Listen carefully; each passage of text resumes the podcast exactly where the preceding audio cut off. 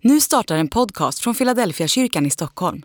Om du vill komma i kontakt med oss, skriv gärna ett mejl till hejfiladelfiakyrkan.se.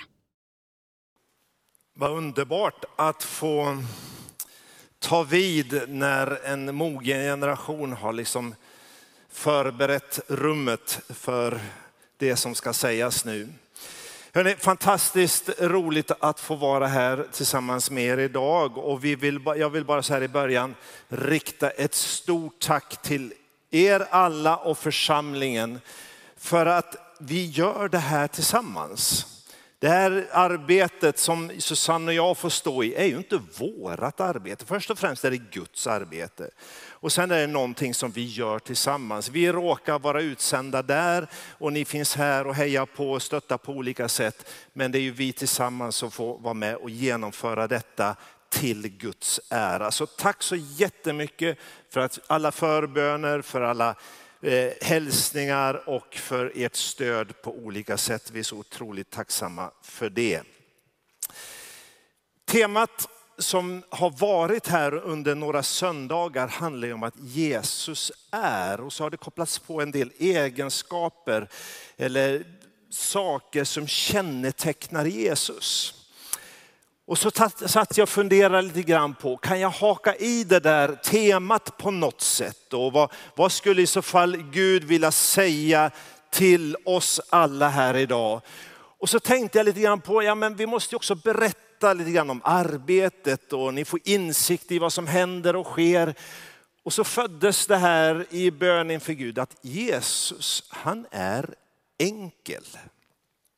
Så det kommer jag försöka tala lite grann om samtidigt som jag försöker också informera lite grann om vad som händer och sker. Och att Jesus är enkel, det är jag otroligt tacksam för. för jag skulle inte med mitt förstånd kunna famna och begripa allt som har med Gud och Jesus att göra. Men han har gjort det enkelt. Så pass enkelt så att till och med jag har begripit och sagt ja, Jesus, dig behöver jag i mitt liv. Och det där får vi se i de länder och sammanhang som vi rör oss.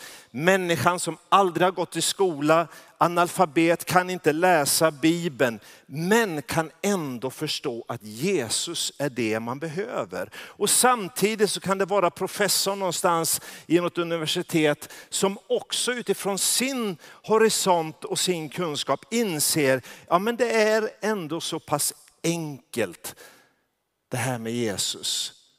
Så även om man med sin höga utbildningsnivå inte famnar allt så kan man ändå begripa att Jesus är den jag behöver. Vi rör oss i åtta länder och ni kommer få lite bilder här på skärmarna som ska försöka åskådliggöra lite grann det jag talar om idag. Åtta länder och ni ser att det handlar om Etiopien, Sydsudan, Uganda, Kenya, Burundi, Rwanda, Kongo och Tanzania. Och de här åtta länderna de har något gemensamt på så vis att i de länderna så finns det pingströrelser som är födda av nordisk pingstmission. Så det finns 13 samfund som är födda ur nordisk pingstmission. Norge, Sverige, Danmark och Finland. Och de här församlingsrörelserna, de är enormt stora idag. Men någonstans över 25 miljoner medlemmar sammantaget. Siffror och Afrika, det ska man ta med en nypa salt sådär. Om siffrorna inte är 100 procent så kan vi bara konstatera att det är väldigt många människor. Och många, många fler än vad vi är invånare i Norden. Så Gud har ju gjort fantastiska saker i de här länderna. Befolkningen den, den ökar. Någonstans så är det runt 400 miljoner människor i de här länderna idag. Men befolkningstillväxten, den är så pass stark som man räknar med att fram till år 2030, alltså om åtta år knappt, så har befolkningen ökat med 100 miljoner människor till bara i de åtta länderna. Och det är hundra miljoner människor till som ska ha mat, som ska ha kläder, som ska ha skolgång, sjukvård, som ska ha alla sina mänskliga rättigheter tillgodosedda. Men också som ska få möjligheten att höra talas om Jesus. Det är utmaningar. Det är en ung befolkning. Medianåldern i de här länderna är 18 år lite drygt. Medan vi i Norden, vi är över 41 år i vår medianålder. Alltså vi är mer än dubbelt så gamla i den här delen av världen. Så vi har att göra med unga människor. Framtiden liksom. Framtiden tror jag och tror vi och många med mig, den ligger i Afrika. I missionsvärlden så rör vi oss med två sådana här centrala begrepp som är bra att känna till. Det handlar om de minst nådda och de mest utsatta. Och I de här länderna så, så räknar man med att det finns ungefär 119 mindre nådda folkgrupper. Och det innebär att det är en etnisk folkgrupp och i den folkgruppen så finns ingen självutbredande församling bestående av människor från den folkgruppen. 119 sådana. Men det är också ett av världens områden där du har de mest utsatta människorna. Och bara för att ge er några siffror och saker som det kan handla om, så räknar man att två av världens fattigaste länder, Burundi och Sydsudan, finns i den här delen av världen. Två av världens länder med minst andel läskunniga, det är Sydsudan och Etiopien. Tre av världens mest korrupta länder, Sydsudan, Burundi och Kongo är också där. Och tre av världens yngsta länder, och det är hur befolkningen är strukturerad, unga människor, finns också här. Och det är Uganda, Burundi och Kongo. I de här miljöerna rör vi oss och inte bara vi, utan vi finns i ett sammanhang tillsammans med kollegor ifrån Norge och Finland.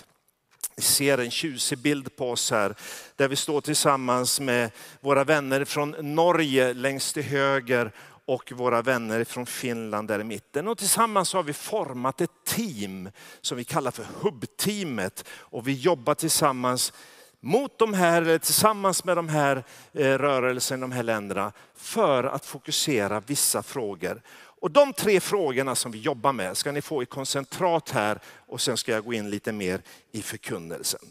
Vi jobbar med att försöka stärka relationer. Och det är relationer rörelserna emellan, mellan Norden och Afrika, på ledarnivå och på olika nivåer. Vi försöker jobba med att forma ledare, andliga ledare, ett tjänande ledarskap. Ett ledarskap som kan vara med och möta de utmaningar som finns i samhällena idag. Och vi jobbar också tillsammans med att försöka utveckla ännu mer strategisk mission till att nå de minst nådda och de mest utsatta. Det finns mycket positivt som händer i de här länderna. Det finns en ekonomisk utveckling. Det finns stora församlingsrörelser, det är väckelse och vi ser många som kommer till tro. Men vi ser också ganska mycket elände. Det är en komplex del utav världen. Det är krig, det är torka, det är svält, det är sjukdom och det är sånt som vi matas med i media och på nyheterna. Men det finns också en annan bild av de här länderna med mycket positivt glädje och framtidstro också.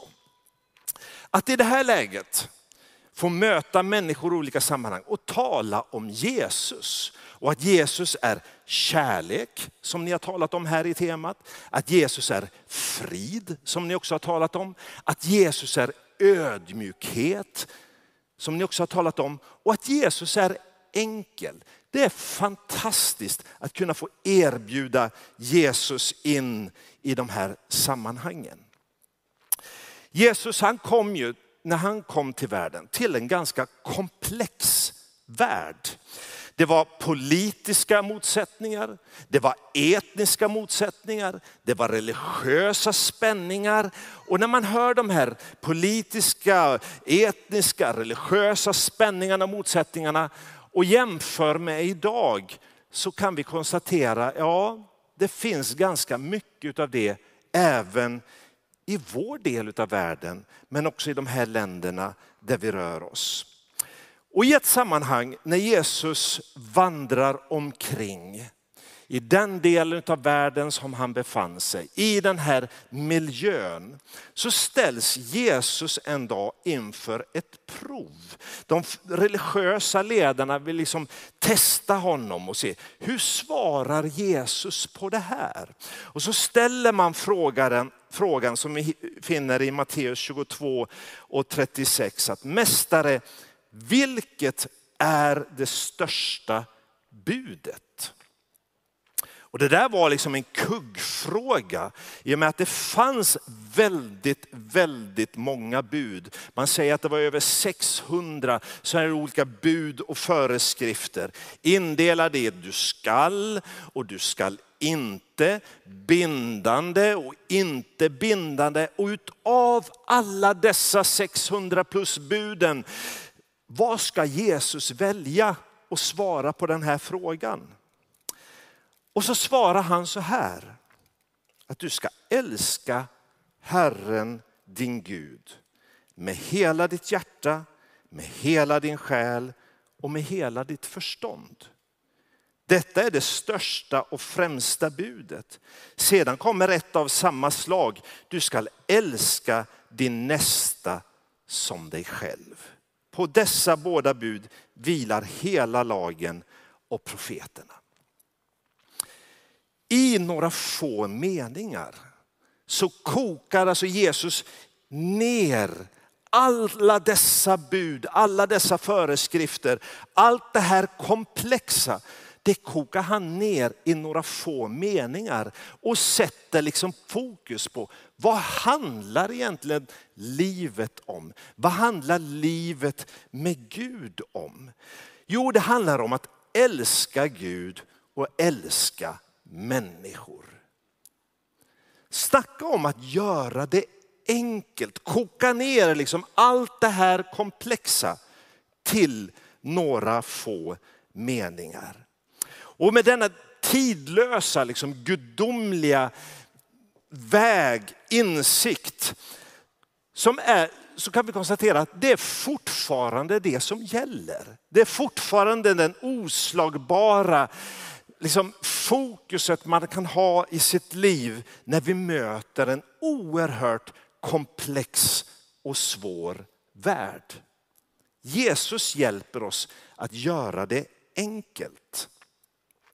Jesus han är ju enkel på så vis, han föddes ju i enkelhet. Han föddes och lades i en krubba och här i Sverige talar vi ofta om stallet. Vet ni att det står ingenting om något stall i Bibeln och i Afrika talar vi aldrig om något stall för där har man inga stall. Så att där har vi lagt till lite grann utifrån vår kontext. Men han lades i en krubba, han föddes i enkelhet. Och vid något tillfälle så säger Jesus att ja, men jag har inte ens någonstans att vila mitt huvud. Jesus levde väldigt enkelt. Han talade i enkelhet. Han använde bilder för att göra det enkelt och begripligt. Han gav enkla levnadsregler för att inte vi ska göra vårt liv så komplicerat. Och så adresserar han det här komplexa livet som har med här och nu att göra, men som också har med evigheten att göra. Jag sa att vi jobbar med att stärka relationer. Jag ska berätta lite grann om hur det kan gå till. För relationer det är oerhört viktigt i en människas liv. Och utan relationer så blir man väldigt fattig. Vi talar ibland om det fattiga Afrika. Och då tänker vi på liksom pengar, mat, kläder och sådana saker. Men Afrika är oerhört rikt på relationer. Ensamhet, det vet man knappt vad det är för någonting. Familj, ja men det är vi med alla på något sätt. Om vi liksom har någon connection någonstans långt bort i tiden, ja men då är det min broder och min syster. Man hör ihop. Och det här med att, att man skulle vara ensam när vi pratar om ensamheten som är en av våra tids sjukdomar i Sverige, då begriper man ingenting. För relationer, det är viktigt. Men det är viktigt också att stärka relationer. Man kan inte ta relationer för givet. Och hur stärker man relationer? Jo, om man tittar på Jesus så visar han en ganska enkel väg. Han kom till oss, han blev människa. Det verkar som att det är viktigt att vara tillsammans. Att komma och dela livets villkor på, på något sätt. Och han kom för att vara med oss. Vi fick ju ta emot Anton och Frida. Ni får se dem på en bild här i en församling i Dar es Salaam. Och de spenderade tid med oss. Vi satt många timmar i bilen som ni hörde, men det var också många andra timmar med andra människor. Och någonting händer när människor kommer samman. Man börjar upptäcka saker och ting hos varandra. Man lär sig från varandra. Man kan dela saker med varandra och man kan växa tillsammans. Tid tillsammans är oerhört viktigt. Men Jesus han talade också om relationer. Han sa så här att mitt bud är detta, att ni ska älska varandra så som jag har älskat er. Ingen har större kärlek än det som ger sitt liv för sina vänner. Vi har många av våra bästa vänner i Afrika. Vänner som i det här fallet en kvinna i Sydsudan som min fru sitter tillsammans med där, som de kan inte ett gemensamt språk. Man kan inte prata med varandra. Men vet du, vänskap handlar mer om att bara utbyta ord. Det, bygger på ett djupare plan. Kärlek, det är ett språk som alla människor förstår överallt oavsett vilket språk man pratar. Kärlek går alltid hem, kärlek landar i hjärtan. Kärlek gör någonting och så möts hjärtan och relationer byggs. Och Jesus han sa så här, det budet ger jag er, älska varandra. Han visade oss egentligen hur enkelt det är, men det är ju ganska svårt, men inte hur enkelt det är. Det handlar om att älska varandra. Det är så vi bygger relation. Men det kan också handla om att be tillsammans. I Afrika så är man ganska, vad ska man säga, intensiva i sin bön. Och ibland så har man bönekonferenser. Och en bönekonferens kan handla om att man, man börjar klockan åtta på morgonen och sen så ber man och ber man och ber man och så ber man till tio på kvällen utan paus utan mat, utan någonting. Och man ber i en timmes perioder. Man har tre stycken som går upp och drar i bön. Om ni tänker en cykellopp, linjelopp, där man byter av varandra för att liksom pressa luften framför. Så har man sådana liksom förelöpare i bönen. Ja, men du går upp, du ber nu i 20 minuter, du drar i bön och så hakar vi andra i. Och så när man intensivt i bön i 20 minuter så går nästa upp och tar vid och så håller man nivån här uppe och sen så kör man nästa 20 minuters pass och så har en timme gått och då har man bett om ett bönämne. Sen tar man nästa bönämne och så kör man och så kör man och så kör man. Vi kanske inte riktigt är där än, men det händer någonting när man ber tillsammans. För när man ber tillsammans så börjar man också dela med varandra det som finns djupt i hjärtat. Vad är det vi ska be för? Vad är det som bekymrar dig? Vad är det som tynger dig? Jo, jag har detta och detta och detta. Och så bär man det här tillsammans inför Gud. Och så känner man att här har jag en broder, här har jag en syster, här har jag en vän. Och vi förenas i bön tillsammans. Och så stärker det relationerna. Och det stärker banden och man känner att vi hör ihop. Det där kan vi se också i vår del av världen och andra delar av världen. Äktenskap där man ber tillsammans tillför ytterligare en dimension in i relationen. För då delar man det som är djupt i hjärtat och man tar det inför Gud. Jesus gjorde det här med bön till något enkelt. Han säger så här i bergspredikan att när ni ber så ska ni inte rabbla tomma ord som hedningarna. De tror att de skulle bli bönhörda för de många ordens skull. Alltså det verkar inte bygga på våra formuleringar. Det verkar inte bygga på min förkunskap. Det verkar inte bygga på hur jag kan lägga ut teologin i min bön. Utan det handlar om vad har jag i hjärtat hjärtat som Gud skulle behöva få veta. Han vet ju det. Men hur skulle jag vilja uttrycka det för honom? Och så får jag säga det med mina ord. Och så kommer det inför Gud. En enkel bön från hjärtat det behöver inte vara mer komplicerat. För bön kommer inte i första hand ifrån hjärnan. Bön kommer ifrån hjärtat. Och i den gemensamma bönen så möts man och hjärtan förenas, relationer byggs. Den andra punkten som vi jobbar med, som jag talade om, är att forma ledare. Och det där kan ju vara lite tricky. Hur gör man det på ett bra sätt? Och som här den här bilden exempelvis från en samling i Sydsudan. Ganska många ledare, pastorer samlade som leder stora församlingar med tusentals av människor. Och så möter man dem och så ska man börja dela Guds ord och undervisa. Och så upptäcker man att kanske 80 procent av dem är analfabeter. De kan inte läsa och skriva, men de leder församlingar.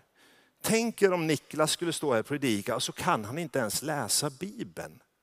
Vi är tacksamma Niklas att du kan läsa och skriva och kan leverera Guds ord. Men det kan bli väldigt konstigt när du ska undervisa i Guds ord som du inte ens kan läsa själv. Utan du är beroende att lyssna till när någon annan läser eller någon inläst version av Bibeln. Eller lyssna på någon annans undervisning och så kan du inte riktigt stämma av det där. Är det sant enligt Guds ord eller inte? Och det kan bli väldigt märkligt. Men det som också är märkligt, det är ju hur de kan gå upp och leverera en predikan, en förkunnelse som man undrar, var fick du det därifrån? Du som inte ens kan läsa Guds ord. Jo men då märker man att anden är ju verksam. Anden verkar inte vara beroende av om jag kan läsa eller inte, utan anden verkar i en människa med ett överlåtet hjärta och så händer det saker ändå. För Jesus, han är ju enkel. Han behöver inte allt det där, utan han kan förmedla någonting genom en enkel människa som har ett öppet hjärta för vad han vill säga. Vi rör oss i enkla sammanhang och väldigt mycket av att jobba med att forma ledare handlar om det enskilda samtalet, enskild vägledning, att hjälpa en människa steg för steg, vara någon form av mentor, hjälpa dem att växa, hjälpa dem att komma till insikter på olika sätt. Men en annan, ett annat viktigt element i att forma ledare, det är att hjälpa ledarna komma närmare Jesus. Vi skapar inte eller vi ska inte skapa i kyrkan efterföljare utav oss själva. Vi ska skapa efterföljare av Jesus. Vi leder dem inte till oss utan vi leder dem till Jesus. Och Jesus han visade det här själv innan han utsåg sina lärjungar. Det står i Markus 3 så här att han, han gick upp på berget, kallade till sig några av dem som han hade utvalt. De kom till honom. Han utsåg de tolv som skulle följa honom och han, som han skulle skicka ut att predika. Alltså det handlar om att komma till Jesus och det handlar om att följa honom. Att forma ledare handlar väldigt mycket om att hjälpa dem till att göra gudsupplevelser. Skapa de sammanhangen där de kan få göra det personliga mötet med Jesus. Växa tillsammans med Jesus, komma nära honom och formas utav honom. Det tredje som vi fokuserar, det är vad vi kallar då strategisk mission. Och då finns det här begreppet de minst nådda. Och jag nämnde att det finns många mindre nådda folkgrupper. Hur når man en onådd folkgrupp? Jo, det kan handla om att man ger en församlingsplanterare, en evangelist eller en pastor eller någon eldsjäl ett startkit i församlingsplantering. Och det kan se ut så här. Det är en motorcykel och det är en låda biblar. Med en motorcykel så kan man förflytta sig över större ytor snabbare och mer effektivt. Och med en låda biblar så kan man få vara med och starta bibelupptäckargrupper som bland annat sker längs Swahili-kusten, längs Afrikas ostkust där det mest är muslimer. Men så får de tillgång till Guds ord och så börjar man läsa Bibeln. Och så börjar man upptäcka Jesus i Bibeln. Och man börjar upptäcka att han är ju faktiskt den som jag har längtat efter. Ni ser här några grupper, någon grupp som, som samlas och man läser tillsammans. Och ni ser hur man är, har en uppslagen bibel. Och tänk er om ni aldrig tidigare skulle ha hört Johannes 3 och 16 exempelvis. Och så hör de den på sitt språk.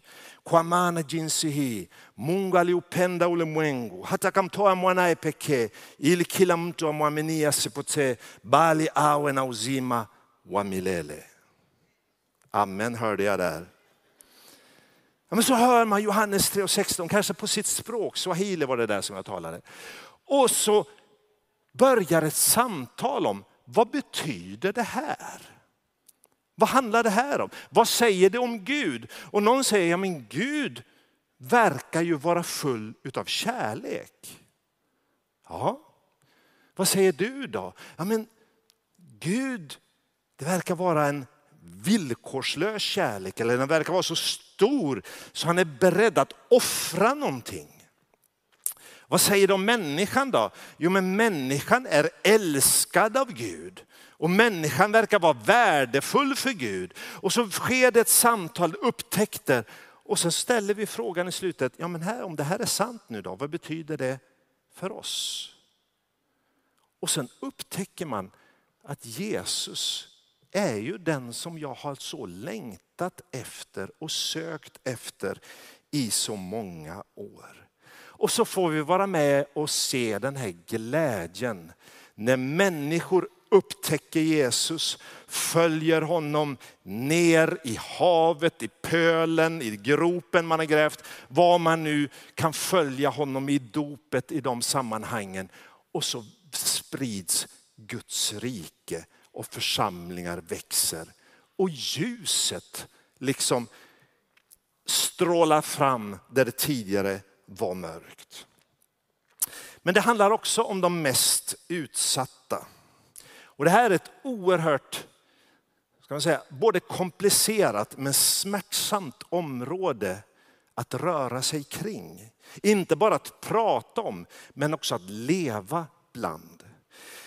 Vi möter människor som har förlorat hopp och det gör vi även här i Stockholm. Vi möter människor som har förlorat meningen med livet och det gör vi också här i Stockholm. Men vi möter en fattig, fattigdom och vi möter en misär som är oerhört svår att hålla borta ifrån sig och det kryper liksom nära många gånger.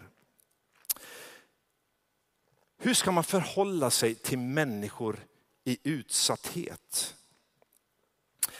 Hur, ska man, hur kan man visa kärlek? Jesus han visar på ett mycket enkelt sätt egentligen hur vi kan förhålla oss till människor som vi möter i olika sammanhang. För det, det han säger och det vi läste förut är ju att du ska älska din nästa som dig själv. Men sen i en enda mening så liksom ger han strategin för hur det här går till. Och det han säger i Matteus 7, att allt vad ni vill att människor ska göra för er, det ska ni också göra för dem. Så oerhört enkelt egentligen, men så svårt det där är. Och så brukar jag tänka så här, om jag hade varit en utsatt situation, hur hade jag velat att människor runt omkring mig skulle ha agerat? Vad hade jag önskat att de skulle göra? Och det är precis det som Jesus någonstans säger med det här. Det du vill att andra ska göra, ja men börja själv och gör det där. Det är så enkelt, men det är också så svårt. Men Jesus han sätter ju liksom punkten på egentligen vad det handlar om. Vi möter ett Afrika idag som, där storstäderna växer. Vi möter städer som här Dar es Salaam med skyskrapor som växer fram men också en del, annan del av stan som hålls kvar i liksom fattigdom och utsatthet. Och urbaniseringen i Afrika den går enormt fort. Och den, den, den är liksom, går inte att hejda och vi kommer liksom ha ett Afrika där majoriteten av människorna bor i storstäder framöver. Men med den här urbaniseringen och städer som växer så ökar klyftorna. Utsattheten i städer är stor. Och de som liksom hakat på det här utvecklingståget, de följer med. Men de som lever kvar i fattigdom, de sjunker djupare och så ökar de här klyftorna. Idag så hör vi också i spåren av Ukraina och i spåren av miljöförändringar och väderomslag och annat om torka och det medför ont om mat och det medför svält. Den här kvinnan hon hade fått hört talas om att vi hade kommit till en by i Sydsudan.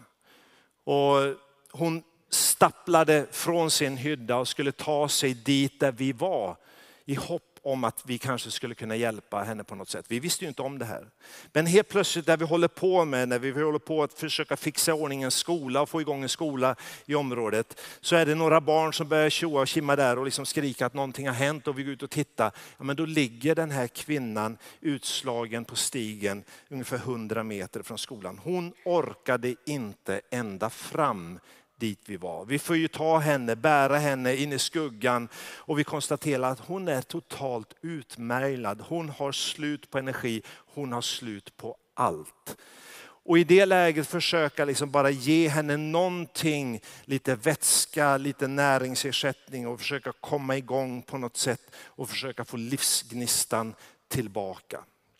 Det där handlar ju om att någonstans möta ett akut behov just där och då. Och det kändes fantastiskt bra att kunna få lämna någonting till den lilla församlingsgruppen som fanns där. Att de skulle kunna fortsätta att hjälpa henne. Men det behöver ju jobbas långsiktigt, förändra sådana här situationer på sikt. Så det är utsatthet på grund av miljöförändringar, på grund av torka och svält. Men vi har också utsatthet på grund av krig. Och det har ju kommit nära oss också. Och vi ser det här i media och vi ser det här på olika sätt. Hur barn får växa upp i miljöer och i sammanhang man önskar att inget barn skulle behöva växa upp i. Men det finns också en utsatthet på grund av brist på utbildning, brist på skolor, brist på sjukvård och andliga, andra mänskliga rättigheter på något sätt. Det där kan man inte blunda för. Det där blundade heller inte Jesus för när han vandrade ibland oss. Och någonstans har han sänt ut Guds församling att vara hans händer, vara hans fötter, vara hans kropp här i världen och möta det som vi möter. Och det är fantastiskt att kunna få göra någonting in i olika sammanhang. Men man plågas också av det. Tänk om vi kunde göra mer. Det där är en brottningskamp som pågår hela tiden, som är svår. Men glädjen över att få se att man kunna vara till välsignelse i något sammanhang, den är fantastisk. Jag tänker så här att vi längtar och vi söker efter olika saker beroende på var vi är i världen och vilket sammanhang vi lever i och hur omständigheterna ser ut. Vi söker och längtar efter att få se förändring i världen. Vi söker och längtar efter ett mindre lidande. Vi söker och längtar efter att få se Guds rike bryta fram på olika sätt. Men om vi tar det ännu närmare oss själva, vad är det vi längtar och söker efter i våra liv? Kan det vara så att vi längtar och söker efter en väg, en riktning?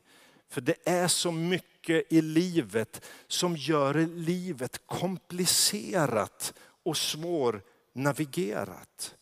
Kan det vara så att vi söker efter en sanning att hålla fast vid? För det är så många budskap i vår värld idag och det skapar så mycket förvirring och det blir komplext. Kan det vara så att vi söker till och med efter meningen med livet? Varför finns vi till? Och varför existerar jag där jag finns? Och det här kan vi känna i ett sammanhang därför att tomheten har blivit så stor på något sätt. Vet du, där så ger Jesus ett väldigt enkelt svar till de frågorna. När han säger, jag är vägen. Jag är sanningen. Och jag är livet. Det där som du söker, det är jag. Ni söker efter mig. Vilken väg ska jag gå? Ja, men, följ mig, säger Jesus.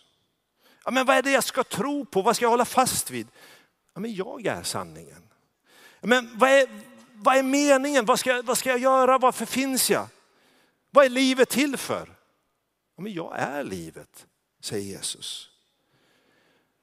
Det där svåra det kokas ner slutligen i en enda person, Jesus. Det där komplexa, det där svåra som, vi, och som är så svårt att hitta svaren till, att navigera i. Ja, men svaret kokas slutligen ner i Jesus. Och han säger ju så här, sök först Guds rike. Så ska ni få allt det där andra också. Det är så enkla svar, men det är så enkelt så vi knappt begriper det.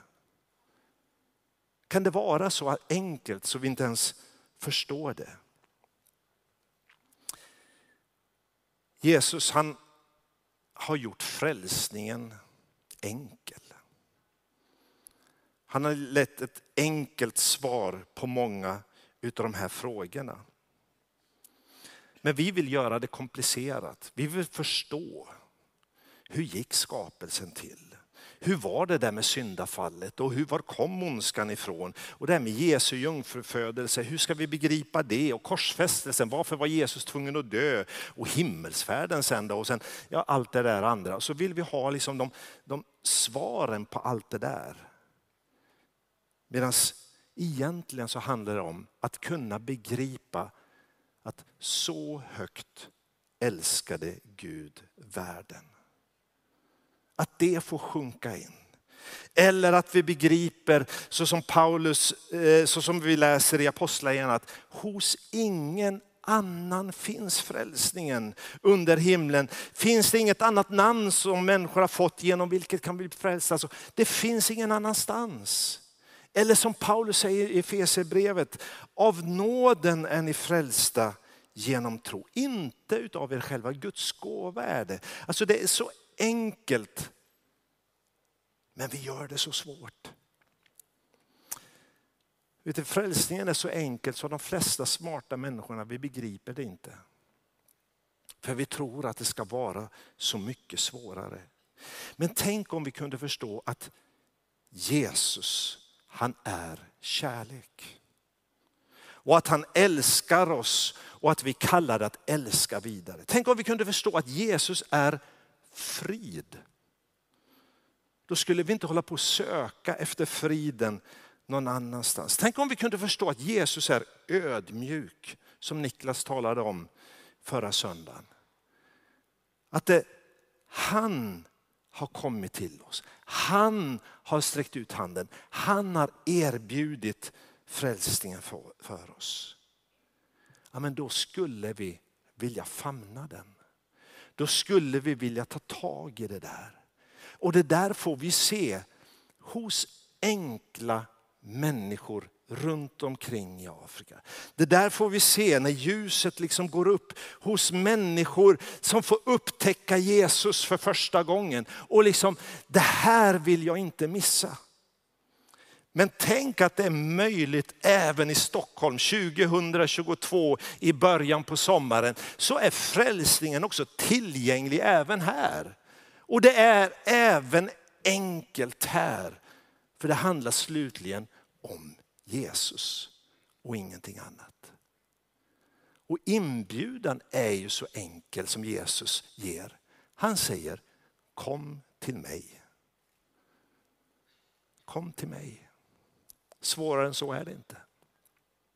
Älska Gud. Älska människor.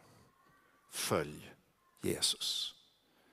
Det är vad livet handlar om när Jesus får koka ner det i några få meningar och göra det där svåra till att bli begripligt och enkelt.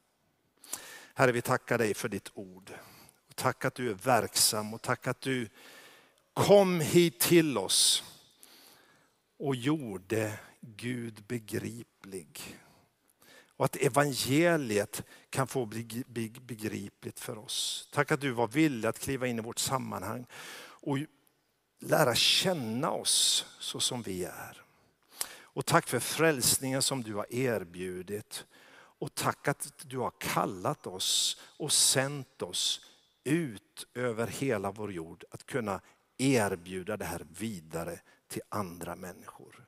Tack att du också har gett oss möjligheten att få vara en utsträckt hand in i olika situationer och sammanhang. Och tack att du välsignar när vi går enligt det ord som du har gett oss och gör det du har sagt till oss att göra.